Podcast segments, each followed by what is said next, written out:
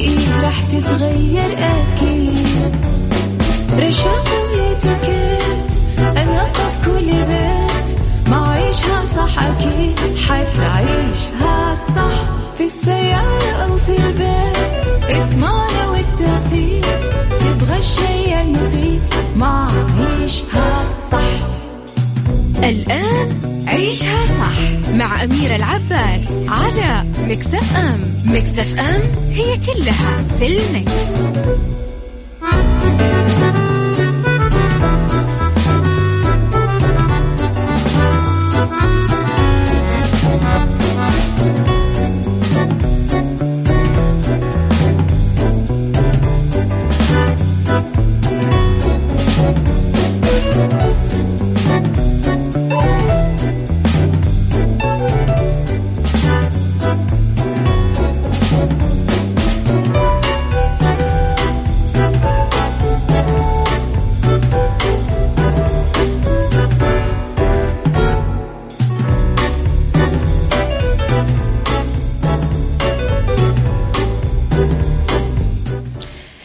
صباح الخير والورد والجمال والسعادة والرضا والمحبة والتوفيق وكل شيء حلو يشبهنا. تحياتي لكم وين ما كنتم يسعد لي صباحكم وين ما كنتم. من وين ما كنتم تسمعوني أصبح عليكم من وراء المايك والكنترول أنا أميرة العباس. في ثلاث ساعات جديدة طبعا نبتديها بساعتنا الأولى بأخبار طريفة وغريبة من حول العالم جديد الفن والفنانين آخر القرارات اللي صدرت ساعتنا الثانية. قضية رأي عام وضيوف مختصين وساعتنا الثالثة صحة وجمال وديكور ومطبخ تسمعون على تردداتنا في كل مناطق. المملكة جدة 105.5 والرياض 98 والشرقية أيضا 98 وباقي ترددات مناطق المملكة.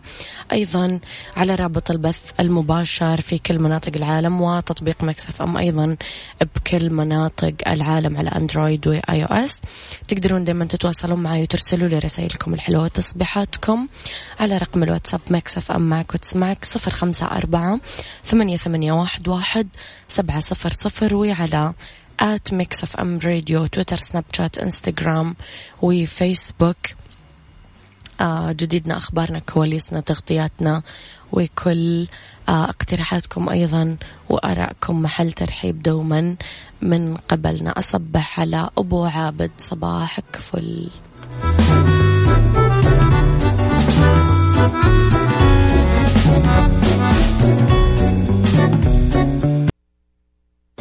عيشها صح مع أميرة العباس على مكتف أم مكتف أم هي كلها في المكس.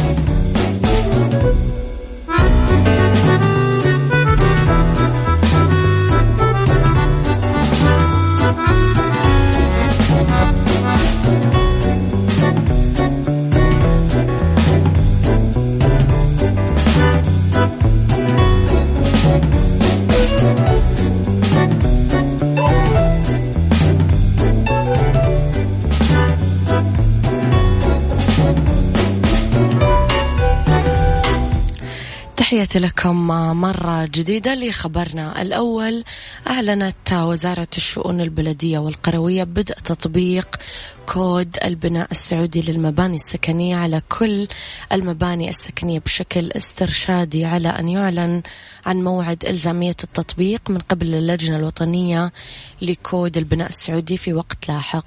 أشارت الوزارة إلى أن المستفيد غير ملزم في الفترة الحالية بالتعاقد مع مقاول معتمد أو تأمين ضد العيوب الخفية على المباني السكنية في ظل التطبيق الاسترشادي لكود البناء السكني لافت النظر إلى أنه إصدار رخصة البناء ورفع إشعارات مراحل البناء وإصدار شهادة إشغال المبنى عن طريق منصة بلدي من خلال مكاتب هندسية معتمدة شددت الوزارة على أهمية أخذ المعلومات المتعلقة بتطبيق كود البناء السعودي من مصادرها المعتمدة والجهات المختصة المتمثلة في وزارة الشؤون البلدية والقروية واللجنة الوطنية لكود البناء السعودي.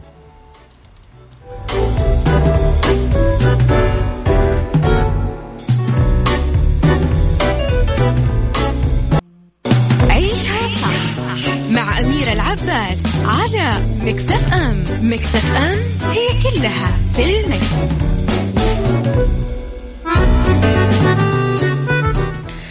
تتصدر طبعا شمس الغنية اللبنانية آه، على الجناح المقابل للدمار وقفت شمس الغنية اللبنانية في وسط بيروت لتصوير أغنية معزور قلبي تحت إدارة المخرج وليد نصيف.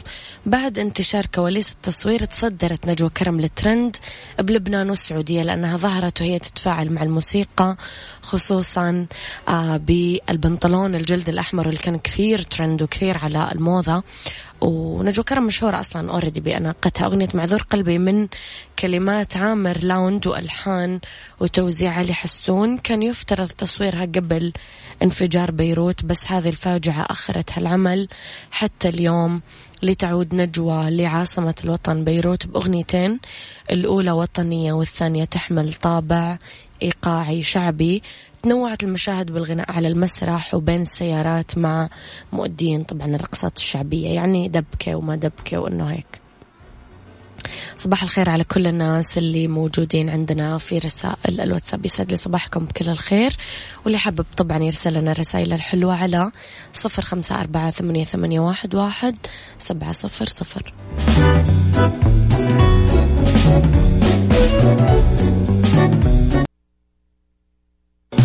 عيشها صح مع أميرة العباس على مكتف أم مكتف أم هي كلها في المكس.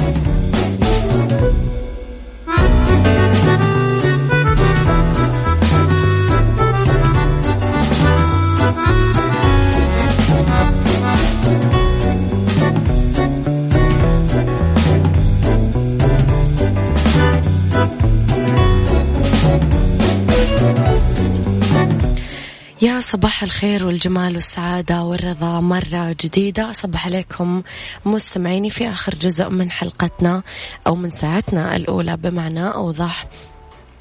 طبعا يتيح مستشفى في لاتفيا الخضوع لفحص كورونا فيروس كوفيد 19 خارج مبناه باستخدام جهاز يعمل على طريقة ماكينة البيع الآلية. ويلغي الحاجة لأخذ عينات الفحص عن طريق أفراد الفرق الطبية. تعد ماكينة الفحص الآلي اللي جرى تركيبها آه، على أحد جدران مستشفى في العاصمة ريغا هي الأولى من نوعها بالعالم واللي تتيح خدمة أخذ مسحة من الحلق أو الأنف وإجراء اختبار الشفرة الوراثية للكشف عن الفيروس بصورة آلية. طبعا تعمل ماكينة الفحص الآلي عن طريق سحب العينات وتخزينها آه ليقوم اختصاص المختبر بجمعها في نهاية اليوم وتجهيز نتائج الفحص خلال 24 ساعة. هي الأولى من بين 100 آلة ينتظر تركيبها في مستشفيات لاتفيا. تؤدي ماكينة الفحص الآلي للكشف عن كورونا فيروس مهمة آه، ما بين شخص لخمس أشخاص من أعضاء الفرق الطبية وتنهي مخاطر تعرض العاملين في مجال الرعاية الصحية لالتقاط العدوى أثناء أخذ عينات الفحص بصورة شخصية. آه، أعلنت حكومة لاتفيا عن تمديد حالة الطوارئ الصحية في البلاد لين 11 يناير 2021 وبلغت حالات الإصابة بفيروس كورونا تقريبا 230 ألف حالة وسجلت 319 حالة وفاة مرتبطة بالمرض. الله يستر.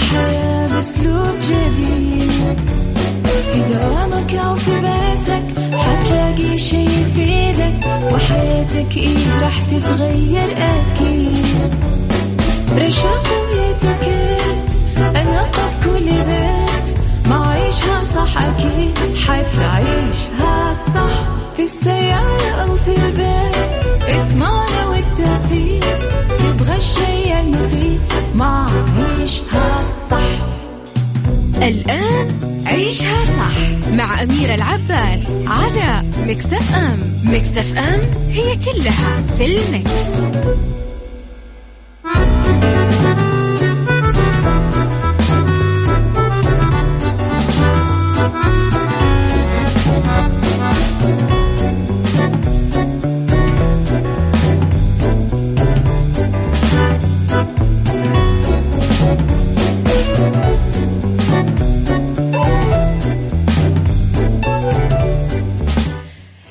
صباح السعادة والخير والرضا والجمال والتوفيق والمحبة والستر والصلاح والعافية والنور.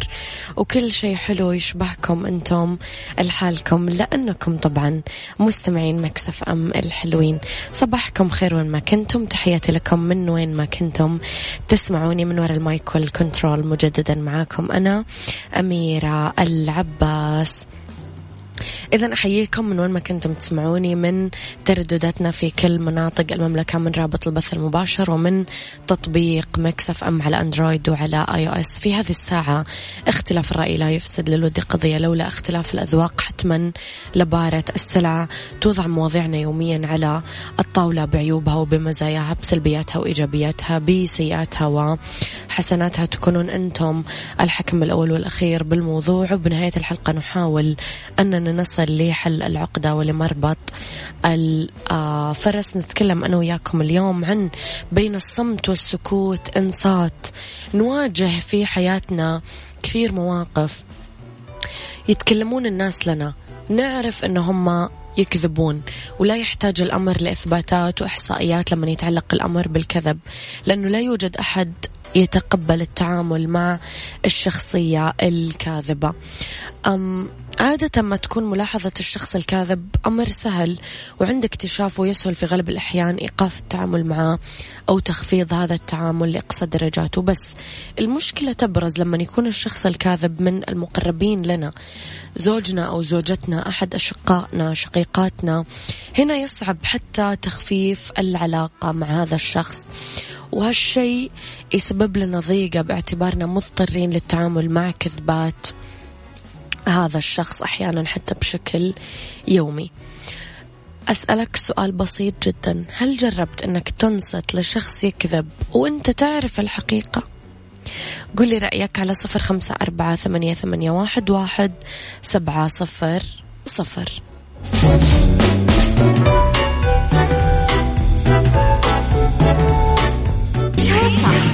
مع أميرة العباس على مكتف أم مكتف أم هي كلها في المكس.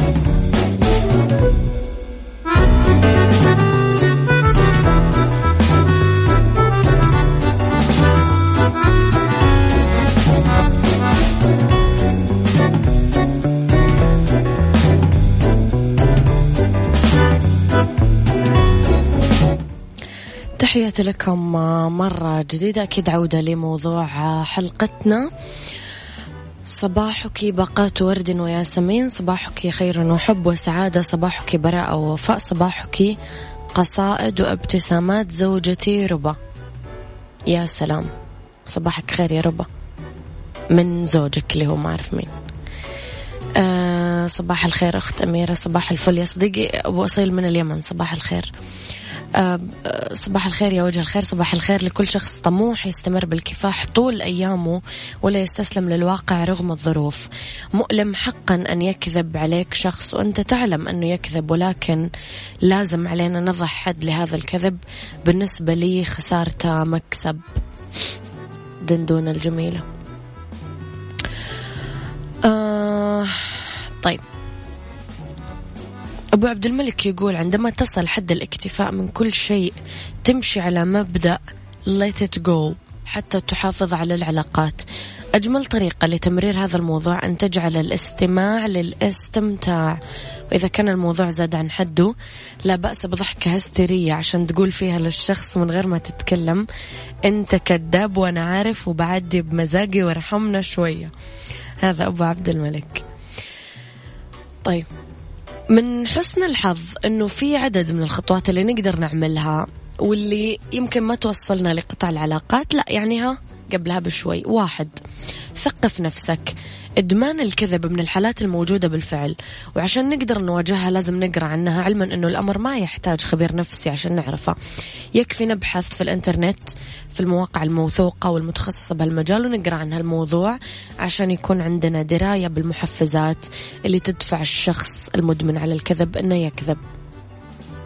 لا تستخدم الهجوم السريع. مشكلة معظم اللي يدمنون الكذب أنهم ونظرا لكذبهم المتعدد. طبعا ينسون تفاصيل الكذبة اللي قالوا لك إياها. فممكن يكررون الكذبة بتفاصيل مختلفة. لا تواجههم بما سبق حتى لو قالوه من قبل. اصمت ويرتب أفكارك وبعدين اسأل عن بعض التفاصيل اللي ترجح إنه قاعد يكذب فيها. بعدين بشويش ذكرة بأقواله بدون ما تحسس أنك تتهمه بالكذب. خليك صبور. أما سبق ممكن يدفع الشخص الكاذب للتخلص من عادته نظرا لكونه أصبح مكشوف بس اعلم أنه إدمانه على الكذب لم يحصل بين ليلة وضحاها. بالتالي حتى تخلصه من هذا الإدمان ما راح يصير بين ليلة وضحاها. لذلك خليك صبور متسلح بحبك لهذا الشخص المقرب.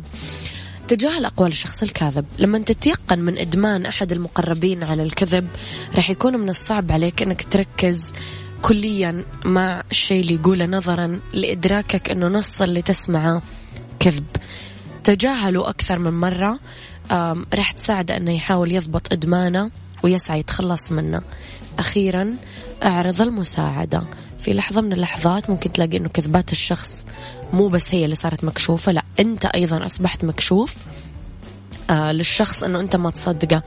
هنا برفق وبهدوء أتكلم معاه وأخبره أنه في أشخاص يدمنون الكذب بس هذا مو لأنهم يحبون الكذب إنما لهم حالة معينة ولازم يتخلصون منها بسهولة.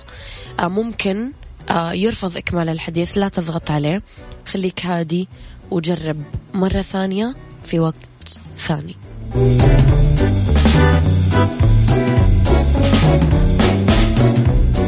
الآن عيشها صح مع أميرة العباس على مكتف أم مكتف أم هي كلها في الـ mix.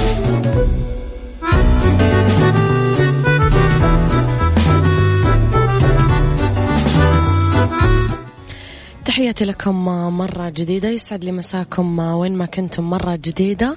أحييكم من وراء المايك والكنترول أنا أميرة العباس في ساعتنا الثالثة أولى ساعات المساء. هي دايما آخر ساعات برنامج عيشها صح. نتكلم فيها اليوم أنا وياكم عن بالدنيا صحتك وفرط البوتاسيوم في الدم أو القاتل الصامت. نتكلم عن اتيكيت تناول صنوف الطعام. ونتكلم في أرض ورد عن موجة باردة تضرب السعودية ثلاث أيام تحت الصفر. على صفر خمسة أربعة ثمانية, ثمانية واحد, واحد سبعة صفر صفر. ترسلوا لي دائما رسائلكم الحلوة. Mix FM معك وتسمعك وعلى at Mix FM Radio تويتر سناب شات إنستغرام فيسبوك. إحنا موجودين على تردداتنا مية وخمسة فاصلة خمسة جدة ثمانية وتسعين الرياض والشرقية وباقي تردداتنا في مناطق المملكة. رابط البث المباشر وتطبيق Mix FM على Android و iOS خليكم دايما على السماع. بطلنا نحب زيادة بس ما بطلناش إحساس. بالدنيا صحتك مع أميرة العباس في عيشها صح على Mix FM Mix FM it's all in the mix.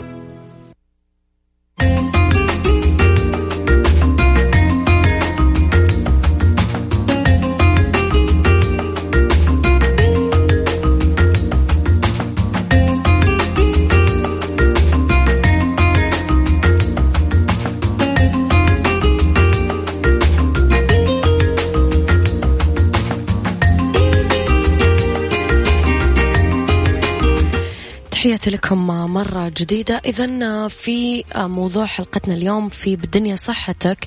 فرط البوتاسيوم في الدم هو القاتل الصامت كما يسمى ويضيفنا عبر الهاتف للحديث أكثر عن هذا الموضوع. دكتور فاضل الرويعي يسعد. مساك دكتور. أهلين أخت أميرة. نرحب فيك على إذاعة Mix FM, أتشرف أكون معكم. الشرف لنا تسلم. دكتور يعرف الأطباء فرط البوتاسيوم في الدم أنه هو القاتل الصامت. اسمح لي أسألك دكتور آه، أكثر وأعرف الناس أكثر بتخصص حضرتك كاستشاري أمراض كلى وباطنة. وأستاذ مساعد في الطب الباطني ورئيس قسم أمراض الكلى في مدينة الملك فهد الطبية.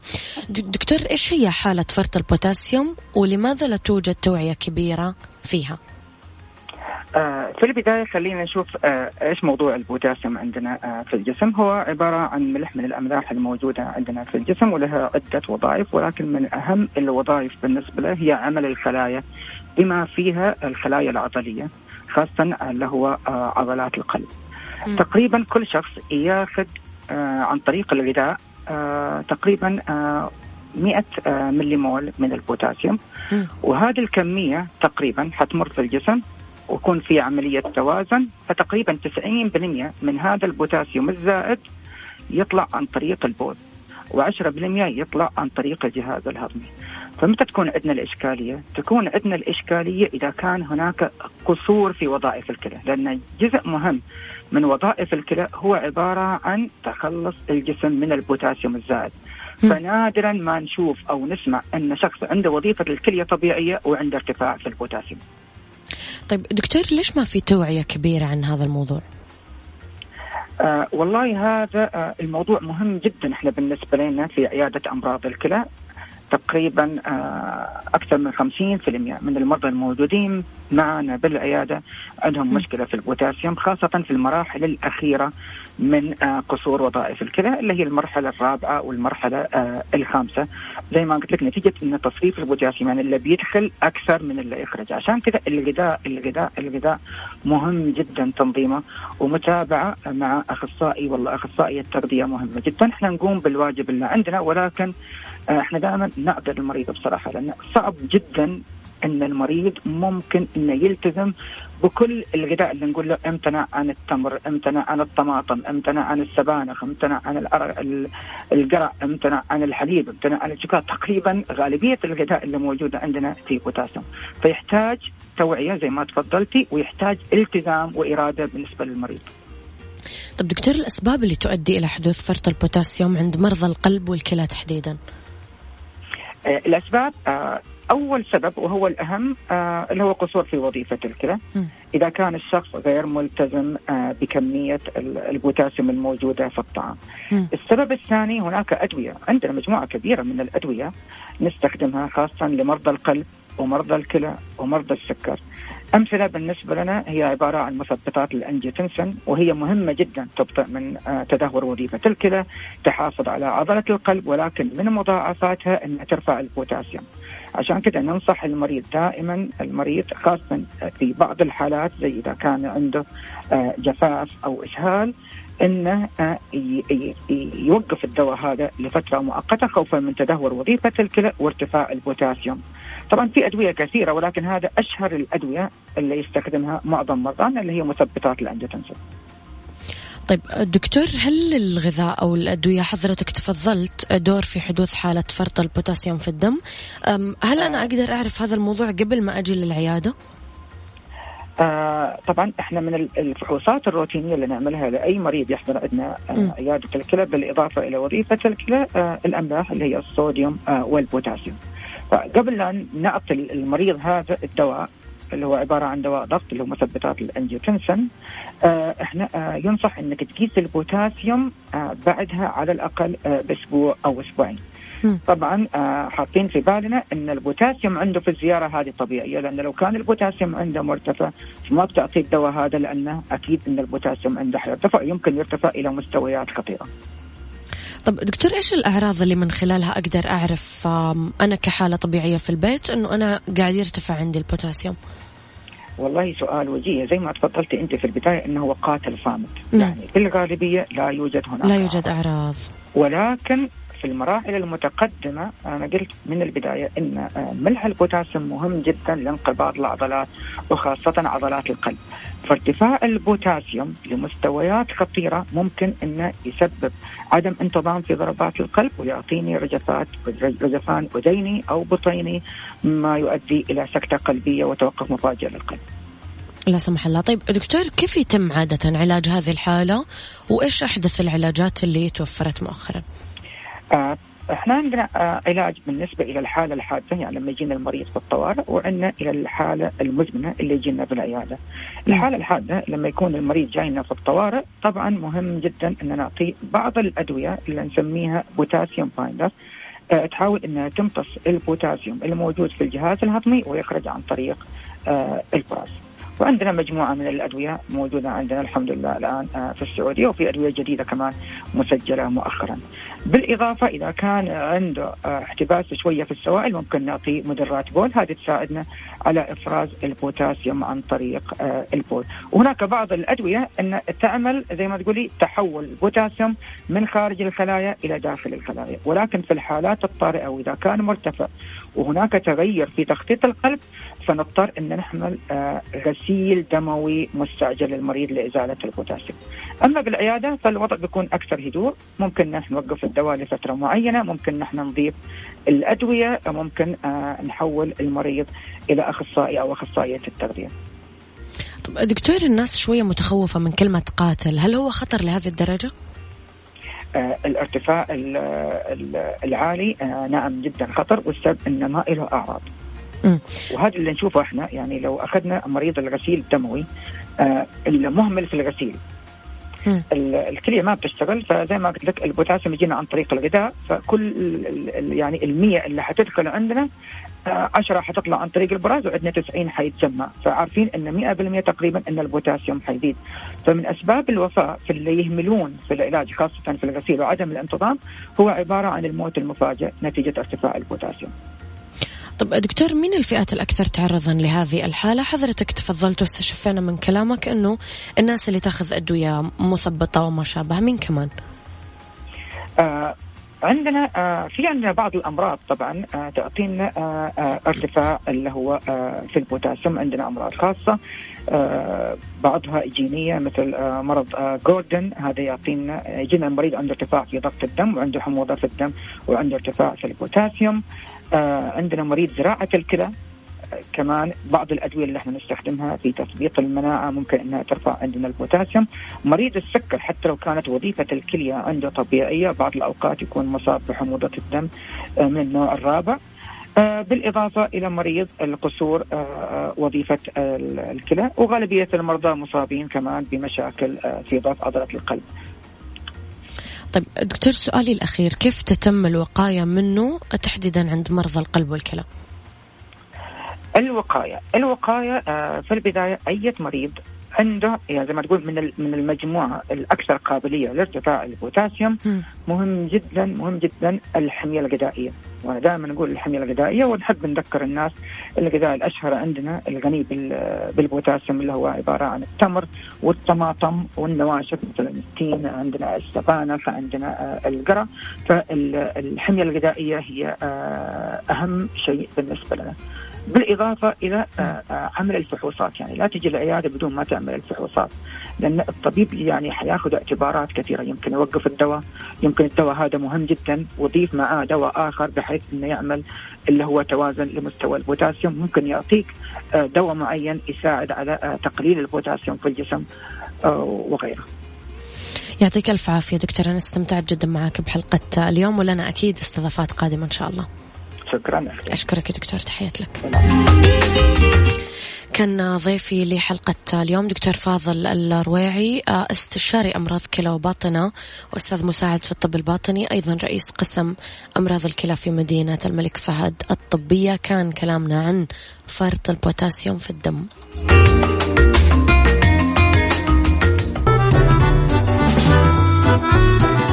اللي ما سمع لسه عن تخفيضات حدائق السلطان خصوماتهم توصل لخمسين بالمية بكل فروعهم بالمملكة وتقدرون تزورون موقعهم www.sultangardencenter.com حدائق السلطان كل ما تحتاجه حديقتك وأكثر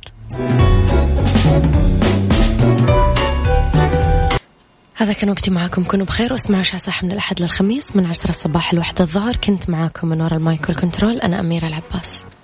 Thank you.